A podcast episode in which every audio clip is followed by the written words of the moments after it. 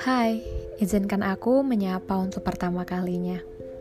Untuk kamu yang sengaja mendengarkan podcast ini karena dari Instagram atau justru dari ketidaksengajaan akibat scroll-scroll dan akhirnya tiba di sini, selamat datang di rumahku, di ruang bicara aku dan sepi. Kenalin, aku Fitria Elisa. Tapi aku lebih senang jika dipanggil El.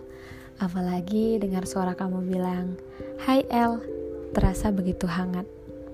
Beberapa waktu yang lalu, berawal dari ketidaksengajaan, aku dengar podcast Rintik Seduh yang berjudul Ini bukan cuma tentang merelakan dan podcast kita dan waktu tentang luka yang belum sembuh.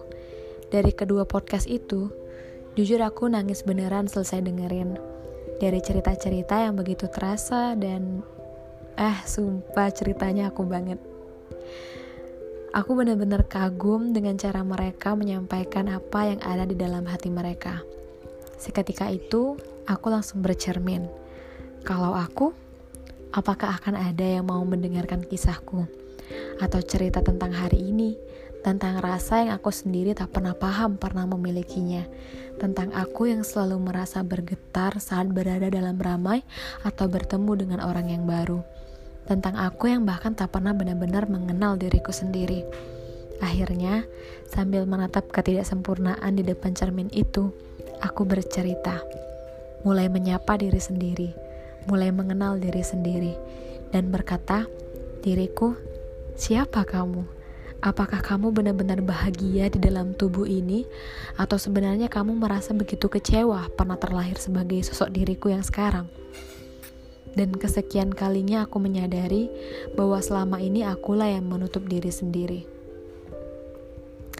Di saat banyak temanku merasa perlu meninggalkan sarang, aku tetap di sini dengan semua rasa takut bahwa di luar sana manusia begitu kejam. Dan ketika orang dengan mudahnya bercerita bahwa ia sedih, di sini aku rela memendamnya sendiri.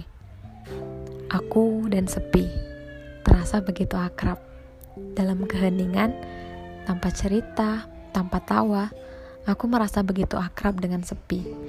Dan di titik akhir itu, aku menyadari bahwa ketika suaramu tak pernah didengar, bicaralah pada dirimu sendiri.